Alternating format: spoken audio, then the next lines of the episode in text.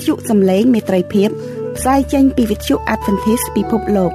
នាងខ្ញុំ Erica Pha ហើយខ្ញុំ John Prisley Pha សូមគោរពនិងស្វាគមន៍ចំពោះអស់លោក លោកស្រី និងប្រិយមិត្តអ្នកស្ដាប់ទាំងអស់ជាទីមេត្រី បងប្អូនលោកអ្នកកំពុងស្ដាប់ដំណឹងល្អពីវិទ្យុសំឡេងមេត្រីភាព ដែលផ្សាយចេញជាភាសាខ្មែរមួយថ្ងៃពីរលើកព្រឹកពីម៉ោង6ដល់ម៉ោង6:30នាទី ពេលល្ងាចពីម៉ោង8ដល់ម៉ោង8:30នាទីយប់តាមរលកធាតុអាកាសខ្លី short wave 15150 kHz កម្ពស់19ម៉ែត្រអ្នកស្រីសុនសវណ្ណានឹងជម្រាបជូននៅកម្មវិធីសម្រាប់ថ្ងៃនេះដូចតទៅ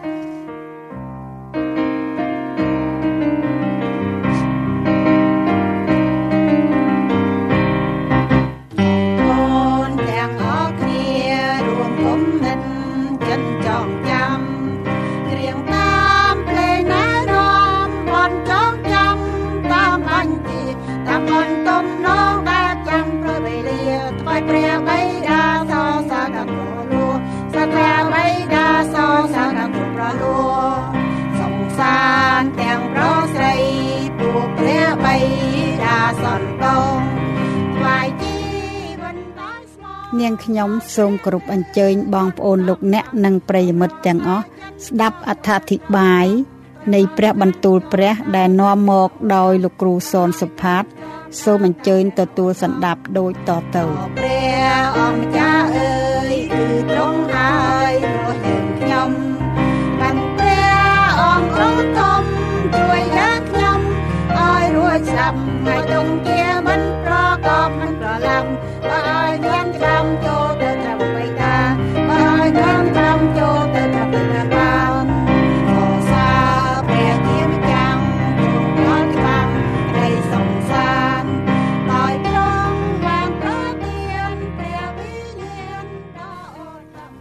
បាទសូមគោរពស្វាគមន៍ដល់បងប្អូនសុនភ្ងានិងប្រិយមិត្តអ្នកស្ដាប់វិទ្យុសំឡេងមេត្រីភាពជាទីគោរពនិងជាទីមេត្រីថ្ងៃនេះយើងបន្តនៅក្នុងនីតិអត្ថាធិប្បាយនៃព្រះគម្ពីរជាបន្តទៅទៀតដោយជាខ្ញុំបានសន្យាថ្ងៃនេះយើងនឹងបន្តការអត្ថាធិប្បាយទៅលើព្រះគម្ពីរម៉ាថាយជំពូក23ជាពិសេសនៅលើប្រធានបទដ៏សំខាន់មួយអំពីពួកហ្វារីស៊ីនិងពួកសាឌូស៊ី បើមុនចាប់ផ្ដើមសូមជួយបងប្អូនសុភញាសង្រងកាយដើម្បីអធិដ្ឋានសូមព្រះពរវិព្រះជាម្ចាស់ព្រះវរបិតាដែលគង់នៅឋានសួគ៌ទុំគុំសូមយាងព្រះញាណបរិសុទ្ធរបស់ព្រះអង្គប្រទានប្រពោឲ្យទូមគុំបានយល់នៅគ្រប់ទាំងអាកំបាំងនៃព្រះបន្ទូលរបស់ព្រះអង្គនៅពេលដែលទូមគុំសិក្សានិងធ្វើការថាតិបាយអំពីពួកហ្វារីស៊ីហើយសូមព្រះអង្គទ្រង់បង្ហាញផ្លូវនៃសេចក្តីសង្គ្រោះដល់ទូមគុំទាំងអស់គ្នា ដើម្បីឲ្យទូមគុំបានដើរតាមព្រះអង្គហើយនឹងបានទទួលនូវមកុសជីវិតអំពីទ្រង់ទូមគុំសូមអធិដ្ឋានដល់នៅព្រះនាមព្រះអង្គចាស់ព្រះយេស៊ូវគ្រីស្ទអាមែនបងប្អូនលោកអ្នកនៅក្នុងប្រធានបទអំពីពួកហ្វារីស៊ីពួកអាចារ្យពួកហ្វារីស៊ីនិងពួកសាឌូស៊ីនេះគឺជាប្រធានបទមួយដ៏សំខាន់ណាស់នៅក្នុងពិភពអ្នកគ្រីស្ទៀនក៏ដូចជាបងប្អូនលោកអ្នកដែលកំពុងស្វែងយល់អំពីអឺផ្លូវនៃសេចក្តីសង្គ្រោះផងដែរដូច្នេះខ្ញុំ បានលើកពីកម្មវិធីមកហើយប៉ុន្តែយើងឃើញថានៅតែមាន ចំណុចសំខាន់ជាច្រើនទៀតដែលយើងទាំងអស់គ្នាត្រូវពិចារណា នៅក្នុងចំណុចនេះយើងឃើញថាព្រះគម្ពីរបានកត់ត្រាយ៉ាងច្រើនអំពីមនុស្ស3ក្រុមនៅក្នុងសម័យព្រះយេស៊ូវគឺនៅក្នុងគម្ពីរសញ្ញាថ្មីនោះគឺថាតាំងពីសតវត្សទី1មកគឺយើងឃើញថាមានមនុស្ស 3ក្រុមនៅក្នុងព្រះគម្ពីរបើយើងមើលអឺមិនពិចារណាយើងឃើញថាមាននៅពួកអាចារ្យពួកហ្វារីស៊ីហ្នឹងហើយនិងពួកសាឌូស៊ីប៉ុន្តែនៅក្នុងនេះគឺថាខ្ញុំបញ្ជាក់ហើយថាមានមនុស្ស3ក្រុមគេហៅថាពួកអាចារ្យហ្នឹងគេហៅ describe គឺពួកអ្នកដែលគេសរសេរចម្លងក្រិតវិន័យហើយជាពួកនៅក្នុងនេះគេថាពួកអាចារ្យគឺជាអ្នកដែលបង្រៀនច្បាប់បាទមួយទៀតគឺពួក Pharisee ហើយនឹងមួយទៀតគឺជាពួក Sadducee បាទនៅក្នុងចំណុចទាំងអស់នេះយើងឃើញថាជាការប្រមានមួយ ប្រឆាំងជាមួយនឹងអំពើលាក់ពុតពីព្រោះនៅក្នុងគម្ពីរគឺបានបង្ហាញប្រាប់យើង អំពីផ្លូវទាំងផ្លូវល្អនិងផ្លូវអាក្រក់ដូចជានៅក្នុងពួក Pharisee នេះ គឺថាគឺជាការបង្រៀនមួយដែលបង្ហាញប្រាប់នៃ យើងដែលអ្នកកំពុងស្វែងយល់នៅក្នុងព្រះបន្ទូលក៏ដូចជាផ្លូវទៅនគរឋានសួគ៌ផ្លូវនៃសេចក្តីសង្គ្រោះឲ្យឲ្យដឹងថាតើផ្លូវណាខ្លះដែលយើង មិនគួរធ្វើ ហើយនៅក្នុងនេះយើងឃើញថាពួកហ្វារីស៊ីនោះនិងពួកសាឌូស៊ីគឺវាជាលក្ខណៈមួយដែលបង្ហាញថានៅក្នុងនាមអ្នកដែលជឿព្រះបងប្អូនលោកអ្នកពិចារណាមើលនៅក្នុងនេះយើងឃើញថាពួកអាចារ្យហ្វារីស៊ីក៏គេ និងពួកយូដាហ្នឹងក៏គេថ្វាយគុំព្រះនគរឋានសួគ៌ដែរប៉ុន្តែដល់ពេលព្រះជាម្ចាស់បញ្ជូនព្រះយេស៊ូវគ្រីស្ទដែលជាព្រះបុត្រានៃព្រះនៃនគរឋានសួគ៌មក គេបែរទៅជាប្រឆាំងជាមួយនឹងព្រះអង្គនេះបានសេចក្តីថា ពួកគេមិនបានដើរត្រង់តាមសេចក្តីពិតនៃព្រះនៅនគរឋានសួគ៌ទេបងប្អូនអ្នកនៅក្នុងគម្ពីរខ្ញុំធ្វើការស្រាវជ្រាវឃើញថាពិនិត្យមើលឡើងវិញអំពីពាក្យថា Pharisee ហ្នឹងគឺមានចែង នៅក្នុងគម្ពីរតែគម្ពីរសញ្ញាថ្មីទេចំនួន90ដង បាទនៅក្នុង New King James Version នៅក្នុង90ដងនេះគឺថាចែង31ដង ក្នុងគម្ពីរម៉ាថាយចែង12ដង ក្នុងគម្ពីរម៉ាកុសចែង23ដង នៅក្នុងគម្ពីរលូកានិង19ដង នៅក្នុងគម្ពីរយ៉ូហានហើយមួយទៀតនៅក្នុងគម្ពីរកិច្ចការមាន5ដងទៀតក្រុមហ្វារីស៊ីពួកអាចារ្យពួកហ្វារីស៊ីហើយនិងពួកសារូស៊ីនោះគឺថា គឺមានដិតដាមរហូតទៅដល់នៅក្នុងសម័យលោកសាវកប៉ុលបាទនេះគឺយើងឃើញថាបើនៅក្នុងចំណុចជាអវិជ្ជមាននោះគឺថាគេមានការបៀតបៀនតាំងពីព្រះយេស៊ូវរហូតទៅដល់សិស្សរបស់ព្រះយេស៊ូវអ្នកដែលដើរនៅក្នុងសេចក្តីពិតរបស់ផងទ្រង់លោកខ្ញុំបង្ហាញជូនបងប្អូននៅចំណុចខ្លះដែលយើងទាំងអស់គ្នា គួរដឹងថាតើចំណុចណាខ្លះដែលជាចំណុចដែលយើងទាំងអស់គ្នាត្រូវប្រុងប្រយ័ត្ន បាទដូចខ្ញុំជំរាបជូនមិញមិញឃើញថានៅក្នុងគម្ពីរម៉ាថាយពុ23គឺមាននិយាយចែងអំពីអីថាអំពីវេទនាដល់ពួកអាចារ្យពួកហ្វារីស៊ីនៅក្នុងសេចក្តីជំនឿបងប្អូនអ្នកដឹងហើយថាវាមានលំដាប់ ដំបូងគឺគោលលទ្ធិគោលលទ្ធិគឺសេចក្តីបង្រៀនសេចក្តីបង្រៀនឬគោលលទ្ធិនាំឲ្យមនុស្សនៅនៅក្រុមណាមួយនោះគឺថាប្រកាន់នៅស្ដីជំនឿមួយ ដែលតាមមាគា គោលការណ៍របស់ខ្លួននៃហើយដែលប្រកាន់យកថាជាគោលលទ្ធិនិងជាគោលជំនឿបន្ទាប់ពីគេមានទទួលការបង្រៀនគោលលទ្ធិហើយបានទៅជាមានជំនឿនោះហើយដែលនាំឲ្យគេមានការប្រព្រឹត្តដូច្នេះហើយបានជាយើងមើលឃើញថាព្រះជាម្ចាស់បានបង្រៀនថានៅក្នុងព្រះគម្ពីរបងប្អូនលោកអ្នកឃើញខ្ញុំនាំឲ្យមើលបងប្អូនមើលនៅក្នុងគម្ពីរម៉ាថាយចំពុក7 យើងឃើញថាព្រះយេស៊ូវបានបង្រៀនអំពីផ្លូវទៅនគរឋានសួគ៌ពេលដែលព្រះយេស៊ូវបង្រៀនផ្លូវនៃនគរឋានសួគ៌គឺព្រះអង្គមានព្រះបន្ទូលនៅក្នុងខម៉ាថាយពុក7ខ15ថាចូលប្រយ័ត្ននឹងពួកគ្រូខ្លែងខ្លាយដែលគេមកឲ្យអ្នករាល់គ្នាដោយពាក់រោមជាមបំផ្លែងខ្លួន តែខាងក្នុងរបស់គេជាឆ្កែចចកដែលឆ្មក់ស៊ីវិញកន្លែងនេះយើងអាចនឹងចង្អុលទៅអ្នកផ្សេងក្រៅពីខ្លួនយើងថាអ្នកនោះហើយមិនមែនជាខ្ញុំទេ ប៉ុន្តែបើយើងពិនិត្យពិចារណាមើលនៅក្នុងបទបន្ទូលនេះឃើញថាព្រះអង្គបានមានព្រះបន្ទូលនៅខ16ទៀតថាអ្នករាល់គ្នានឹងស្គាល់គេបានដោយសារផលគេបង្កើតតើដែលបេះផ្លែទំពាំងបាយជូរពីគុំបន្លាឬផ្លែលវាពីដំបងយៈឬទេនេះជាចំណុចមួយសំខាន់គ្រប់គ្រងទៅនឹងគំនិតដែលខ្ញុំចំណុចដែលខ្ញុំបានលើកថាគោលលទ្ធិសេចក្តីបង្រៀននាំឲ្យមានជំនឿជំនឿនឹងចូលទៅដល់ ការប្រព្រឹត្តប៉ុន្តែ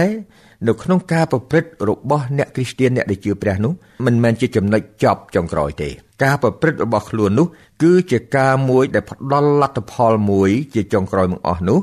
ដែលជាលទ្ធផលនៃសេចក្តីជំនឿរបស់ផងខ្លួន ដែលយើងនិយាយឲ្យខ្លីឲ្យចំតែម្ដងថា អាចនឹងទទួលលទ្ធផល ជានគរឋានសួគ៌ឬឋាននរកនេះព្រះគម្ពីរនៅក្នុងគម្ពីរម៉ាថាយ23គឺមានចែងយ៉ាងច្បាស់ណាស់បាទបងប្អូនលោកអ្នកមើលជាមួយគ្នាដែលខ្ញុំបានលើកមកជម្រាបជូនបានមួយចំនួនហើយឥឡូវនេះយើងនាំគ្នាពិចារណាមើលនៅចំណុចមួយដែលមានចំណុចរួមនៅក្នុងសម័យព្រះយេស៊ូវផង នៅក្នុងសម័យរបស់លោកសាវកប៉ុលផងខ្ញុំនាំបងប្អូនឈ្មោះទៅឯគម្ពីរម៉ាថាយពុក23ខខ27 គម្ពីរចែងថាវេទនាដល់អ្នករាល់គ្នាពួកអាចារ្យនិងពួកហ្វារីស៊ីជាមនុស្សកំពត់អើយត្បិតអ្នករាល់គ្នាដូចជាមុងខ្មោចដែលលាបសឯខាងក្រៅល្អមើលពិតមែនតែខាងក្នុងមានពេញដោយឆ្អឹងខ្មោចនិងសេចក្តីស្មោកគ្រោកគ្រប់មុខវិញកំផែងលៀបសនេះបងប្អូនលោកអ្នកយើងមើលពិចារណាមើលយើងឃើញមានមួយកន្លែងទៀតបន្តិចទៀតយើងនឹងមើលជាមួយគ្នានៅក្នុងគម្ពីរកិច្ចការចំពុក23ពួកអាចារ្យនិងពួកហ្វារីស៊ីនេះគឺថា វាមានបញ្ហា គឺគោលលទ្ធិគឺសេចក្តីបង្រៀនរបស់គេ មិនដូចជាព្រះយេស៊ូវទេបងប្អូនលោកអ្នកចាំនៅក្នុងគម្ពីរម៉ាថាយចំពុក16គឺព្រះយេស៊ូវមានព្រះបន្ទូលថាម៉េចគឺនៅពេលពួកសិស្សឆ្លងទៅឲ្យត្រូវម្ខាងគេភ្លេចយកនំប៉័ងបាទភ្លេចយកនំប៉័ងទៅគ្រានោះព្រះយេស៊ូវទ្រង់មានបន្ទូលថាចូលពិចារណាហើយប្រុងប្រយ័ត្នចំពោះដំបែរបស់ពួកហ្វារីស៊ីនិងពួកសារូស៊ីឲ្យមែនទែន បាទនៅក្នុងគម្ពីរម៉ាថាយចំពុក16ខខ5ខ6ដល់ពេលហើយពួកសិស្សគេនឹកស្មានតែអ្នកខ្លះគិតថា គេភ្លេចយកនំប៉័ងមកទេដឹងនៅខ7ថាគេត្រេះរិះគ្នាថាប្រហែលជាដោយព្រោះយើងមិនបានយកនំប៉័ងមកទេដឹងប៉ុន្តែដល់ពេលក្រោយមកទៀតមកព្រះយេស៊ូវបានមានព្រះបន្ទូលឲ្យបញ្ជាក់ប្រាប់ច្បាស់ខ្ញុំឈ្មោះទៅឯខនៃដែលចង្អុលបង្ហាញច្បាស់គឺនៅក្នុងខអឺ 11ព្រះយេស៊ូវមានទូលថាហេតុដូចម្ដេចបានជាអ្នករាល់គ្នានឹកមិនទាន់ឃើញថាមិនមែនពីនំប៉័ងដែលខ្ញុំបានប្រាប់ឲ្យប្រយ័ត្នពីដំបែរបស់ពួកហ្វារីស៊ីនិងពួកសារូស៊ីនោះទេនោះទៅគេនោះទៅគេបានយល់ថាមិនមែនពីដំបែនំប៉័ងដែលទ្រង់មានបន្ទូលប្រាប់ឲ្យគេប្រយ័ត្នទេគឺពីលទ្ធិរបស់ពួកហ្វារីស៊ីនិងពួកសារូស៊ីវិញលទ្ធិឬគោលលទ្ធិគឺជាសេចក្តីបង្រៀន សេចក្តីបង្រៀនរបស់ពួកហ្វារីស៊ីនិងពួកសារូស៊ីដែលព្រះយេស៊ូវប្រមានប្រាប់ពួកសិស្សថាប្រយ័ត្នដំបែពួកអាចារ្យនិងពួកហ្វារីស៊ីគឺសេចក្តីបង្រៀនរបស់គេសេចក្តីបង្រៀននោះហើយដែលជាពុំមួយ ដែលធ្វើឲ្យអ្នកដែលដើរតាម ប្រព្រឹត្តនៅក្នុងលក្ខណៈណាមួយ បាទរួចហើយគេមានការប្រព្រឹត្តរបស់គេប៉ុន្តែនៅក្នុងនេះព្រះយេស៊ូវបានឈ្មោះប្រាប់គេ ឲ្យឲ្យដឹងថាលទ្ធផលរបស់ជំនឿរបស់គេនោះជាយ៉ាងណាបងប្អូនលោកអ្នកចាំទេនៅក្នុងពេលដែលយើងមើលឃើញនៅ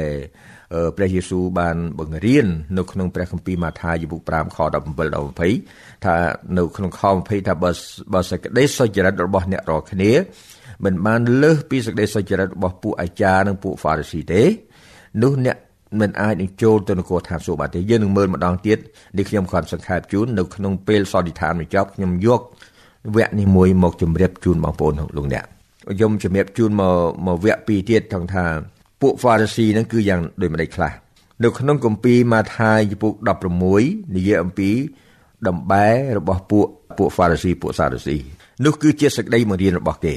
នៅម៉ាថាយពុក19ខ3គឺពួកគេបានធ្វើតេស្ត គេសាក់លបងមើលអំពីព្រះយេស៊ូវ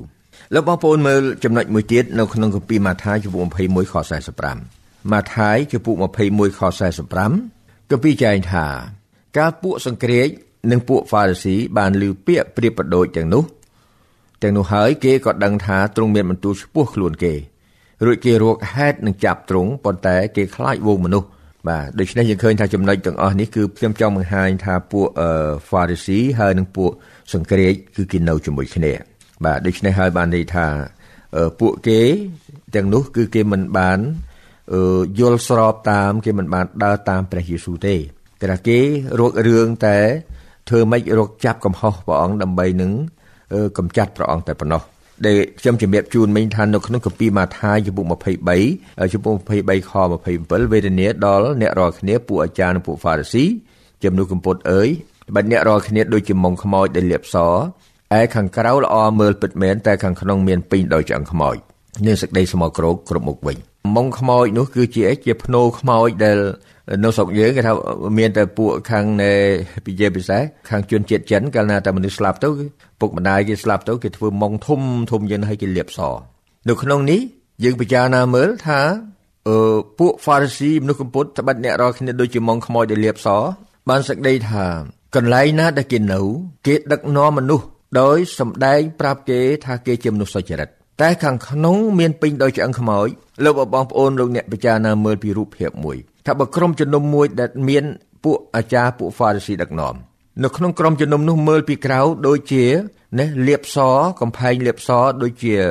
អឺអគារមួយលៀបសបានតែបរិសុទ្ធសុចរិតប៉ុន្តែខាងក្នុងនោះមានពេញដោយឆ្អឹងខ្មោចបានស្ដីថាមានសុទ្ធតែសេចក្តីស្លាប់ដោយសារអីដោយសារពួកគេទាំងអស់គ្នានោះគឺគេមិនបានដើរតាមសេចក្តីបង្រៀនដ៏ត្រឹមត្រូវបងប្អូនលោកអ្នកឃើញទេបានជាព្រះយេស៊ូវមានព្រះបន្ទូលថាចូលប្រយ័ត្ន ដំបែរបស់ពួកហ្វារីស៊ីនិងពួកសាឌូស៊ីបានស្ដីថាពួកគេមិនបានដើរតាមស្ដីពិតអំពីនគរឋានសួគ៌មិនបានដើរតាមសេចក្តីពិតរបស់ព្រះយេស៊ូវទេដូច្នេះគេមិនបាននាំអ្នកណាម្នាក់ឲ្យបានទទួលជីវិតអស់កលជានិច្ចទេបានជាយើងបកមកមើលនៅក្នុងកាពីម៉ាថាយពុ23វិញយើងឃើញថាគោលលទ្ធិសេចក្តីបង្រៀនសំខាន់ណាស់នៅក្នុងចំពុ23ខ15ថាវេទនាដល់អ្នករាល់គ្នាពួកអាចារ្យនិងពួកហ្វារីស៊ីជាមនុស្សកំពត់អើយ ត្បិតអ្នករាល់គ្នាដើរជុំជើងទឹកជើងគោកដើម្បីនឹងនាំមនុស្សតែម្នាក់ឲ្យចូលកាន់សាសនាកាលណាគេចូលកាន់ហើយនោះអ្នករាល់គ្នាតែងធ្វើឲ្យគេ គួរធ្លាក់ទៅនរកជាជាងខ្លួនមួយជាពីរផងខ្ញុំជំរាបជូនបងប្អូនត្រុសត្រុសហើយពីមុនប៉ុន្តែកន្លែងនេះយើងមើលឃើញការដ៏សំខាន់មួយទៀតថងថាប្រសិនបើគេមិនមានគោលលទ្ធិមិនមានសេចក្តីបង្រៀនត្រឹមត្រូវដែលជាសេចក្តីពិតមកពីព្រះ ដែលព្រះយេស៊ូវមានទូលថាខ្ញុំជានំប៉័ង ដ៏ពិតខ្ញុំជានំប៉័ងមកពីនគរឋានសួគ៌គឺជានំប៉័ងអិតដំបែបានស្ដីថាម៉េចបងប្អូននំប៉័ងពិតនំប៉័ងអិតដំបែគឺជាគោលលទ្ធិដ៏ពិតប្រកបពីនគរឋានសួគ៌ដែលគ្មានបន្ថែមបន្ថយគ្មានបំពោតបំពងឡើងទេគឺថាបើព្រះយេស៊ូវបង្រៀនយ៉ាងម៉េចគឺយើងបង្រៀនយ៉ាងដូច្នោះនេះហើយដែលយើងឃើញថាជាចំណុចមួយដ៏សំខាន់នោះហើយបងប្អូនមើលកន្លែងនេះមួយទៀតថាមនុស្សកាលណាគេជឿព្រះសូម្បីពួកអាចារ្យពួកហ្វារីស៊ីក៏គេតាំងខ្លួនគេជា គេហៅជាបរិសុទ្ធជាសុចរិតដែរដែលធ្វើឲ្យមតិសាធារណៈយល់ថាគេជា សន្តបុគ្គលជាមនុស្សបរិសុទ្ធដូច្នេះហើយបានជាមានមនុស្សដើរតាមនៅជំពូក23ម៉ាថាយ23ខ23ជឹកអល់បង្ហាញច្បាស់មួយទៀតថាវេទនាដល់អ្នករាល់គ្នាពួកអាចារ្យនិងពួកហ្វារីស៊ីជាមនុស្សកំពត់អើយត្បិតអ្នករាល់គ្នាថ្វាយមួយភាកក្នុង10ទាំងជីអង្កាមជីលៀងលាក់ជីលៀងលាក់និងល្ងផងតែបានចូលសក្តីដ៏សំខាន់ជាងដែលនៅក្នុងក្រឹតវិន័យវិញ បងប្អូនលោកអ្នកមើលកន្លែងនេះហើយយើងពិចារណាមើលមែនទេណាបានន័យថាអ្នកដែលជឿព្រះហើយដូចជាពួកហ្វារីស៊ីគឺគេមិនមែនមិនធ្វើការល្អទេគេយកអង្វាយមួយភាគ10ទៅថ្វាយព្រះណាបានន័យថានឹងជាជាលក្ខណៈមួយជាអត្តសញ្ញាណមួយអំពីអ្នកដែលជឿព្រះពិតប្រាកដអ្នកណាមួយដែលយកអង្វាយមួយភាគ10ទៅថ្វាយព្រះណាមិនមែនជាការខុសទេជាការប្រពៃបំផុត ហើយនៅក្នុងនោះព្រះសន្យាថានឹងប្រទានពួកឲ្យគេសូម្បីគេរកកន្លែងផ្ទុកនៅប្រពោះបានផងមួយទៀតទាំងជីងកាមជីលីងលាក់និងល្ងផងបានន័យថាគេយកអ្វីទាំងអស់ទៅថ្វាយព្រះប៉ុន្តែព្រះអង្គមានព្រះបន្ទូលនៅកន្លែងនេះថា តែបានចូលសេចក្តីសំខាន់ជាង ដែលនៅក្នុងក្រឹតវិន័យវិញខ្ញុំសូមនាំអញ្ជើញបងប្អូនពិភពអ្នកគ្រីស្ទានបងប្អូនអ្នកដែលកំពុងស្ដាប់សារដំណឹងល្អ យើងឃើញថាការដែលយើងធ្វើល្អនោះដើម្បីសម្ដែងអោយមនុស្សបានឃើញ ជាការល្អហើយប៉ុន្តែ ចំពោះព្រះវិញតើយើងមានបង្ហាញប្រាប់អំពី ការដែលយើង មានសម្ព័ន្ធភាពដ៏ជិតស្និទ្ធមាន relationship ជាមួយយើងជិបស្ដាប់ឮអ្នកអធិប្បាយល្បីៗច្រើនអូ relationship ណែ relationship ទំនាក់ទំនងវាងយើងហើយនឹងព្រះព្រះអង្គមានព្រះបន្ទូលប្រាប់ថាតែពួក Pharisee គេបានចោលសេចក្តីដ៏សំខាន់ជាងដែលនៅក្នុងក្រឹតនេះវិញគឺជាការថ្វាយបង្គំព្រះ ដ៏ត្រឹមត្រូវនៅក្នុងចែងនៅក្នុងក្រឹតវិន័យទី4ដែលពិភពអ្នកគ្រីស្ទានយើងបានចោលការនោះដ៏សំខាន់ជាងយើងគិតពីរឿងការមួយដែលសំខាន់កន្លែងនេះដូចជានៅក្នុងសភាសិតអង់គ្លេសមួយថា don't be a penny wise and a pound foolish សភាសិតអង់គ្លេសមួយល្អណាស់ថាកុំអោយយើងឆ្លាតនឹងមកកាក់ម៉ាស៊ីនប៉ុន្តែល្ងងនឹង1ផោន1ដុល្លារ1ដុល្លារនោះគឺជាសក្តីសង្គ្រោះណាគឺជាសក្តីសង្គ្រោះដែលបានមកពីព្រះជាម្ចាស់ នេះខ្ញុំសូមអញ្ជើញបងប្អូនលោកអ្នកមើលការនឹងមានទានបាទដូច្នេះហើយបានជានៅក្នុងនេះគឺយើងឃើញថាបើសិនបើគេមិនស្រឡាញ់សេចក្តីពិត គេស្អប់សេចក្តីពិត គេស្អប់ទាំងព្រះដែលជាសេចក្តីពិតទៅទៀតគេប្រឆាំងនឹងព្រះអង្គសួរថាតើគេមានអកប្បកិរិយាយ៉ាងណា ចំពោះអ្នកដែលផ្សាយសេចក្តីពិតរបស់ព្រះនៅក្នុងនេះខ្ញុំលើកយកនៅក្នុងគម្ពីរចែកអំពីលោកសាវកប៉ុលសាវកប៉ុលគឺជាបងប្អូនលោកអ្នកដឹងហើយថាលោកសាវកប៉ុលនេះ គាត់មានប្រវត្តិរបស់គាត់គាត់និយាយថាម៉េចគាត់ថានៅក្នុងគម្ពីរកិច្ចការជំពូក23ថា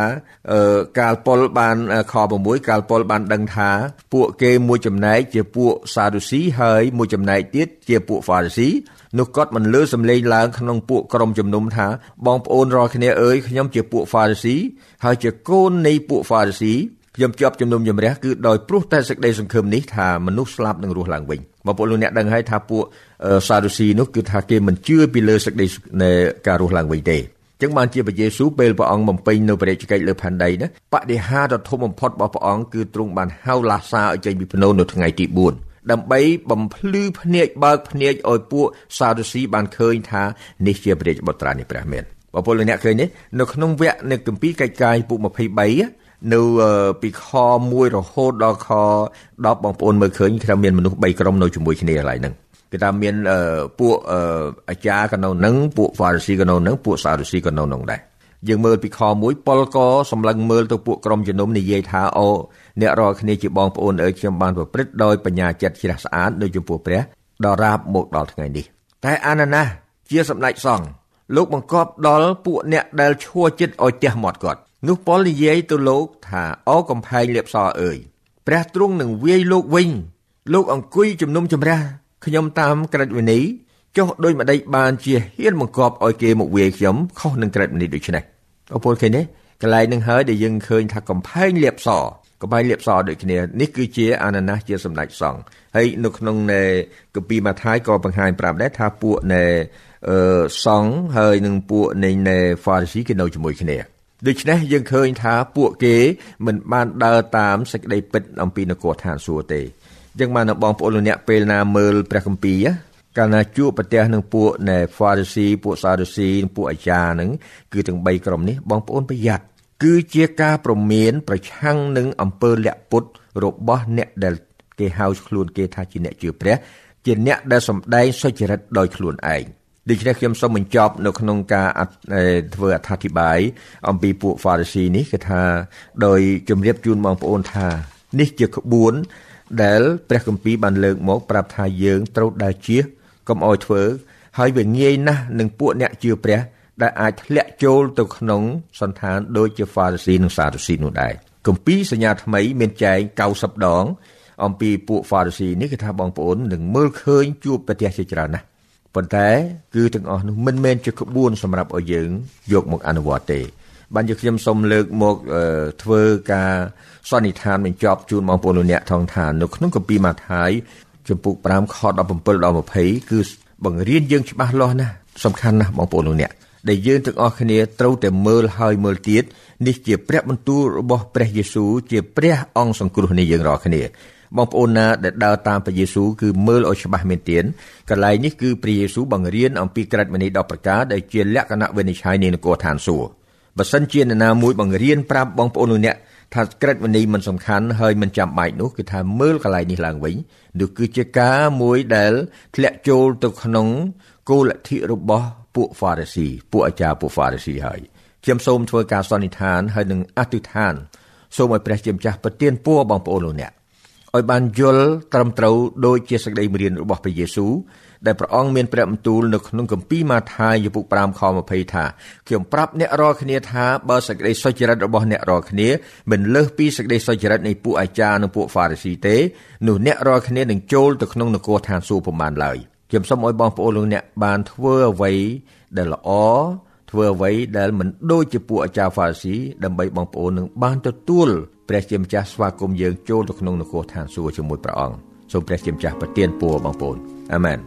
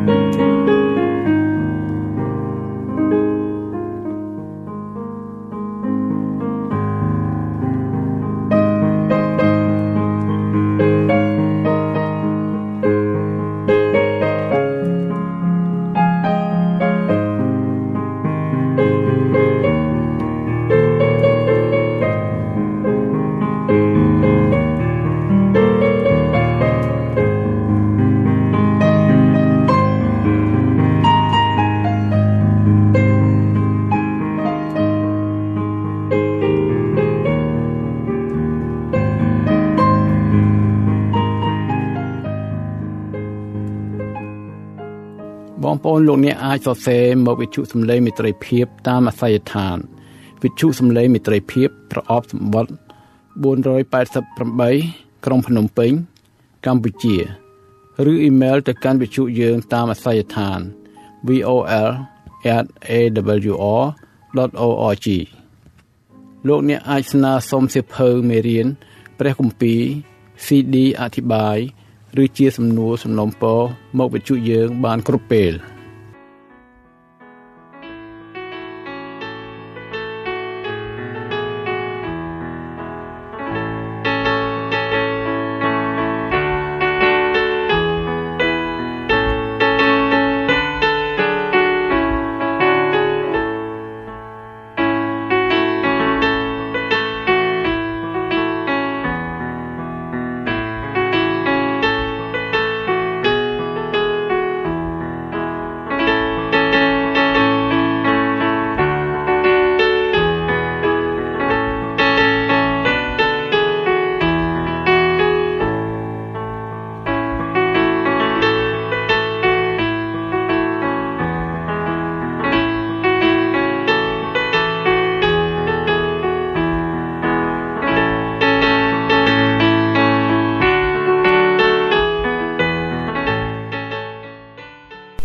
កម្មវិធីសម្រាប់ថ្ងៃនេះចប់តែប៉ុណ្ណេះវិទ្យុយើងសូមថ្លែងអំណរគុណជាអតិបរមា ចំពោះការយកចិត្តទុកដាក់ស្ដាប់ របស់អស់លោកអ្នកនាង សូមព្រះជាម្ចាស់នៃមេត្រីភាព ប្រោះប្រទានព្រះពរគឺសេចក្តីសុខសន្តិភាព អំណរនិងសុភមង្គលជានិច្ចនិរន្តរ៍តរៀងទៅសួស្តី